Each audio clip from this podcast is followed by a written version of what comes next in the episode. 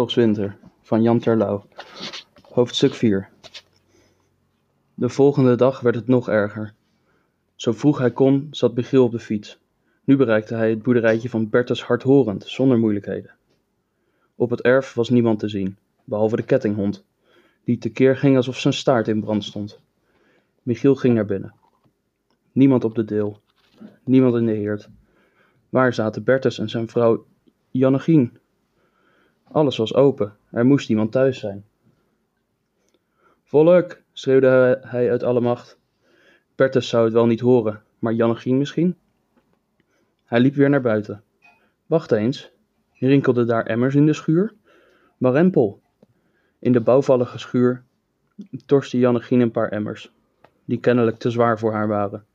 Ze was de varkens aan het voeren. Hé hey Jannegien, Michiel van de burgemeester, heb je nieuws van Bertus? Nieuws van Bertus? Neerslachtig zette het vrouwtje de emmers op de grond. Ik dacht, misschien weet de burgemeester wat ze met Bertus gedaan hebben. Met Bertus gedaan hebben? Weet je dan geen eens dat ze Bertus gisteren weggehaald hebben? Wie, de moffen? Vanzelf de moffen. Wie anders? Wat had hij dan gedaan? De kleine Jannegien stampte driftig op, met haar voet op de grond. Niks had hij gedaan. Hij was de varkens aan het voeren, net als ik. Ze hebben alles overhoop gehaald. Zelfs van zijn kleren konden ze niet afblijven, maar ze hebben niks gevonden, helemaal niks. En ze hebben hem toch meegenomen? Ja, de rotzakken. Ik heb Kees nog losgemaakt. Die is een van de kerels naar zijn strot gevlogen. Toen hebben de anderen dat stomme beest net zo lang met hun geweerkolven geslagen tot hij los moest laten. Het is nog een wonder dat ze hem niet doodgeschoten hebben. Michiel voelde zich miserabel. Was het gisteravond, zei je, Jannegien? Om een uur of half vijf. Michiel dacht na. Het moest toeval zijn. Schafter kon onmogelijk iets geraden hebben. Hoe laat was hij hem de tweede keer tegengekomen? Een uur of vier? Het kon er niks mee te maken hebben. Zeg, Jannegien, heb je ook gezien of ze bij de andere boerderijen zijn geweest? Of hadden ze het alleen op jullie gemunt? Alleen nog op ons, dacht ik. Ze kwamen regelrecht hierop aanrijden, met die smerige rotwagens van ze. En weet je, Michiel, als Bertus wat gedaan heeft, ik weet er niks van hoor, maar als hij wat gedaan heeft, is hij verraaien. Hoe weet je dat? schrok Michiel. Gisteravond, toen hij weg was, was ik zo overstuur, hè? Toen ben ik naar mijn zuster gefietst. Je weet wel, die met Hendrik den Otter getrouwd is. Ze wonen op de hoek van de straatweg en het driekusmanswegje. Uh, dat hierop aangaat. Ja, ik ken ze wel. Nou, ik kom daar, aardig overstuur, zoals ik al zei, en ik vertel dat ze Bertus gehaald hebben. En daar zegt mijn zuster, verrek meid, was dat om half vijf met zo'n bietje? Dan heb ik ze met die twee auto's hier het driekusmanswegje in zien draaien. Als ik geweten had dat ze naar jullie toe gingen. Wat had je dan gedaan? vroeg ik. Ja, niks eigenlijk, zei ze. Je had het over verraad, Jannegien. Wat heeft dat met verraad te maken? Oh ja, mijn zuster zei dat die auto's eerst stilstonden op de straatweg. En een van die kerels stond te praten met iemand van hier. En toen ze uitgepraat waren, reden ze het driekusmansweggetje in. Regelrecht op ons aan. En die vent had gewezen, met zijn arm. Wie was dat, die man van hier met wie ze stonden te praten? Ja, hoe heet die vent ook alweer? Uh, hij had zo'n bleek smoelwerk en hij fietst altijd rond. Bedoel je Schafter? Kijk, Schafter. Ze zeggen toch al dat hij niet deugt? Michiel zweeg. Hij voelde zich op een of andere manier schuldig en toch, hoe kon Schafter nou iets geweten hebben? Zelfs als hij gemerkt had dat het bezoek aan wethouder van Kleiwegen een smoesje was, dan nog kon hij niet weten dat Bertus hardhorend er iets mee te maken had. Hij moest hier weg, om rustig te kunnen nadenken. Ik moet er vandoor, Jangien. Ik hoop dat ze Bertus gauw weer laten gaan. Zul je het tegen je vader zeggen? Kan die er niks aan doen? Ik zal het hem natuurlijk vertellen, maar of hij iets doen kan, ik betwijfel het. Dag hoor, het beste. Gelukkig had ze niet gevraagd waarvoor hij was gekomen. Hij fietste haastig weg. Een eindje verder stapte hij af en ging met zijn rug tegen een boom zitten om na te denken. Ze even de dingen op een rijtje zetten. Dirk vertelt hem van de overval en geeft hem een brief voor Bertus Hadhorend. Hij verstopt de brief. Die kon niemand gezien hebben. De overval mislukt. Eén man wordt doodgeschoten, één ontvlucht. Dirk wordt gepakt. Hij, Michiel, probeert de volgende morgen de brief naar Bertus te brengen, maar slaagt er door allerlei omstandigheden niet in. Suffert dat hij is. Hij had desnoods moeten gaan lopen toen zijn fiets stuk was. Schafter merkt misschien dat hij een smoes vertelt aan Van Kleiweg en ziet hem om vier uur voor de tweede maal richting Lage Zanden rijden. Om half vijf wijst Schafter de Duitse overvalwagens in de richting van Bertus' huis. Het klopt niet. Er zit geen verband in. Ineens dringt het tot hem door wat er gebeurd moet zijn. Dirk moet hebben doorgeslagen. Ze zullen hem zo hebben gemarteld dat hij de naam van Bertus genoemd heeft. En Schafter wees natuurlijk alleen de weg naar Bertus' huis toen ze hem vroegen waar hij woonde.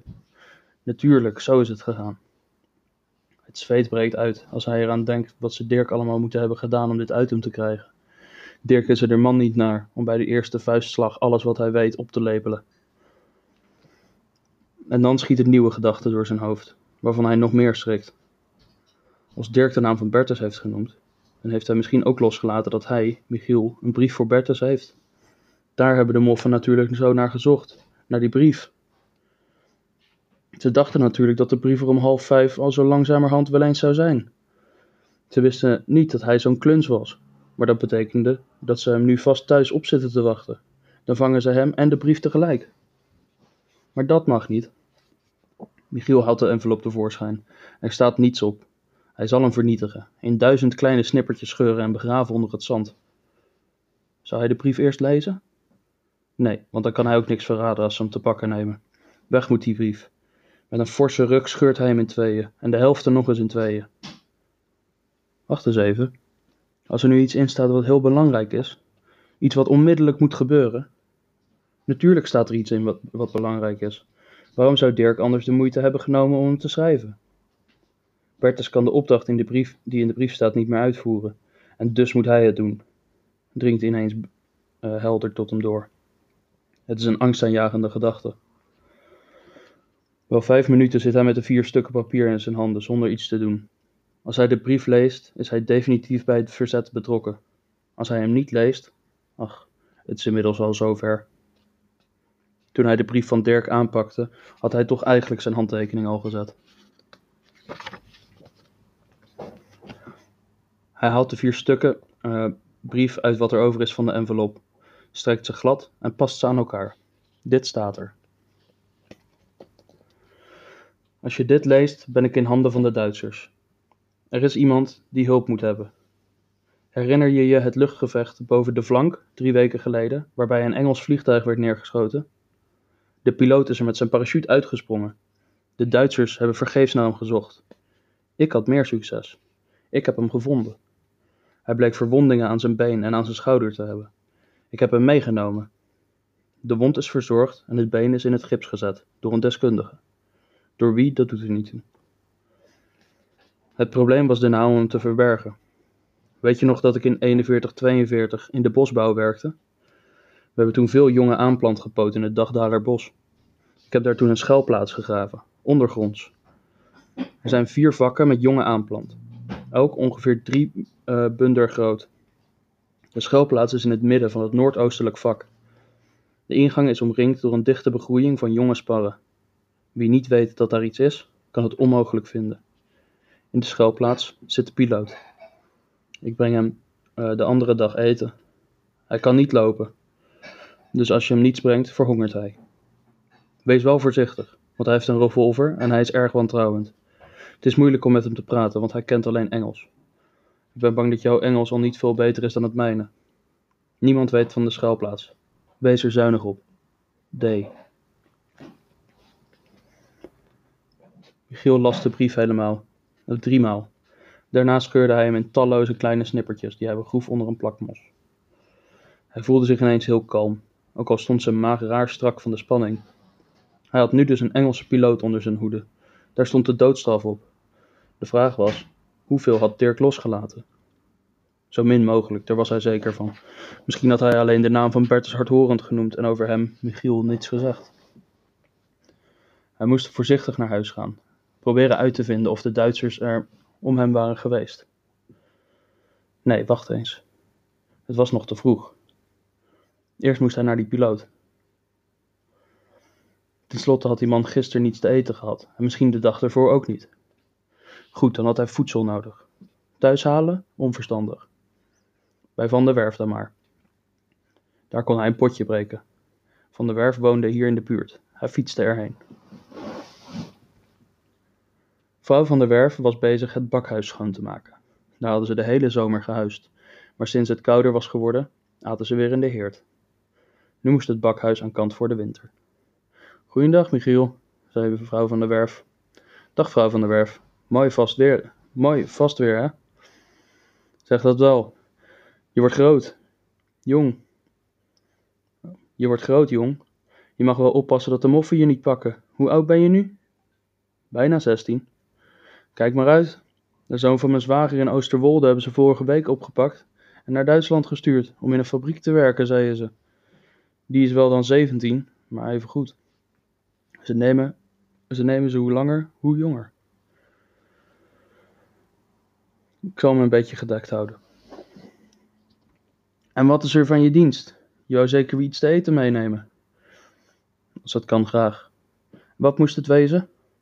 Zou een stuk ham te veel gevraagd zijn? Nou, omdat jij het bent. Ze gingen samen naar binnen. Onder de kap van de schoorsteen hingen een aantal hammen, stukken spek en worsten. Vrouw van der Werf nam een ham van de haak en sneed er een stuk af. Alsjeblieft. Hartelijk dank, vrouw van der Werf. Michiel betaalde en maakte aanstalten om te vertrekken. Moest je geen sneemik mijn, uh, moest je geen sneemik met kaas? Nou, dat sla ik niet af, zei Michiel. De vrouw sneed het brood tegen haar borst, een paar dikke boterhammen af en deed er boter en kaas tussen. Overhandigde Michiel deze tractatie, waarvoor iemand in Amsterdam met vreugde een tientje zou hebben neergelegd. Bedankt, ik eet het onderweg op, zei Michiel. Ik moet nodig weg. Goed hoor, aju. Buiten het gezicht van de boerderij vouwde Michiel het papiertje waarin de ham zat open en pakte de dubbele boterham erbij in. Doelbewust zette hij koers naar het Dagdaarler bos. Het noordoostelijk vak. Het was niet moeilijk om te vinden. Een grotere zorg was het voor Michiel om niet gezien te worden. Toen hij in de buurt kwam, verstopte hij zijn fiets tussen de struiken en ging te voet verder. Het bos stond roerloos in de herfstzon. Geen blaadje bewoog. Geen slagen van houthakkers drongen door de stilte. Geraas van auto's was niet te horen, bij gebrek aan auto's. Alleen een paar vogels lieten merken dat ze er waren. Michiel keek zorgvuldig om zich heen, terwijl hij de jonge aanplant naderde. Allemachtig, hoe kwam hij daardoor? De kleine sparren stonden zo dicht op elkaar, uh, dat hij eerst niet wist hoe hij zijn tocht naar het midden moest beginnen. Wacht eens, dicht bij de grond zijn er minder zijtakken. Hij moest proberen tussen de stammetjes door te kruipen. Het werd een moeizame bedoeling, die hem heel wat schrammen aan zijn armen en gezicht opleverde. Van tijd tot tijd ging hij voorzichtig staan, keek gespannen om zich heen of er iemand in de buurt was en corrigeerde dan zijn richting. Hij vorderde, al was het langzaam. Voor zover hij kon nagaan, was hij nu vrijwel midden in het vak. Waar was die schuilplaats nou? Behoedzaam sloop hij verder. Maar hoe omzichtig hij ook te werk ging, er kraakten toch heel wat takjes. Don't move! Hij schrok zich lam. De stem kwam van vlakbij. Zachtjes fluisterde hij: Goed volk. Waarom hij dat nu zei, wist hij zelf niet. Zeker ergens gelezen in een Indianenboek. Oh nee, Gien zei het altijd tegen haar hond. Who are you? Dat betekende, wie ben je, wist hij van school. Dirk's friend, zei hij. Where's Dirk? Waar Dirk was, in de gevangenis. Dirk is in prison. Come closer, beval de Engelsman. En Michiel gehoorzaamde, door in de richting van de stem te kruipen. Al gauw zag hij nu een schuin naar beneden lopende gang. Tegen de wand leunde een man, van ongeveer twintig jaar. Had een uniformbroek aan, waarvan één pijp was afgeknipt om ruimte te maken voor het gips, waar zijn hele been ingepakt zat. Hij had zijn rechterarm in een doek. Los over zijn schouders hing het jasje van zijn, van zijn uniform. Hij had een woeste baard en in zijn linkerhand hield hij een pistool. Met de pistool gebaarde hij Michiel het hol in te gaan. Het was er donker, maar nadat Michiels ogen aan de duisternis waren gewend, bleek er toch voldoende licht door de ingang te komen om te kunnen zien hoe het hol was gebouwd. Kennelijk was er eerst een diep breed gat gegraven. Tegen de wanden waren balkjes gezet om instorten te voorkomen. Daarop was een groot houten schot gelegd. De zijwanden van een schuurtje of iets dergelijks. Daar weer op lag bosgrond, waarin een paar armietige, armietige sparretjes groeiden. Blijkbaar was er toch te weinig aarde voor ze om goed wortel te kunnen schieten. Het hol was ongeveer 2 bij 3 meter uh, en een kleine 2 meter hoog. Mooi stuk werk van Dirk, dat wel. Maar om er nu dag en nacht in door te brengen, en dat nog wel met zo'n gammel lijf.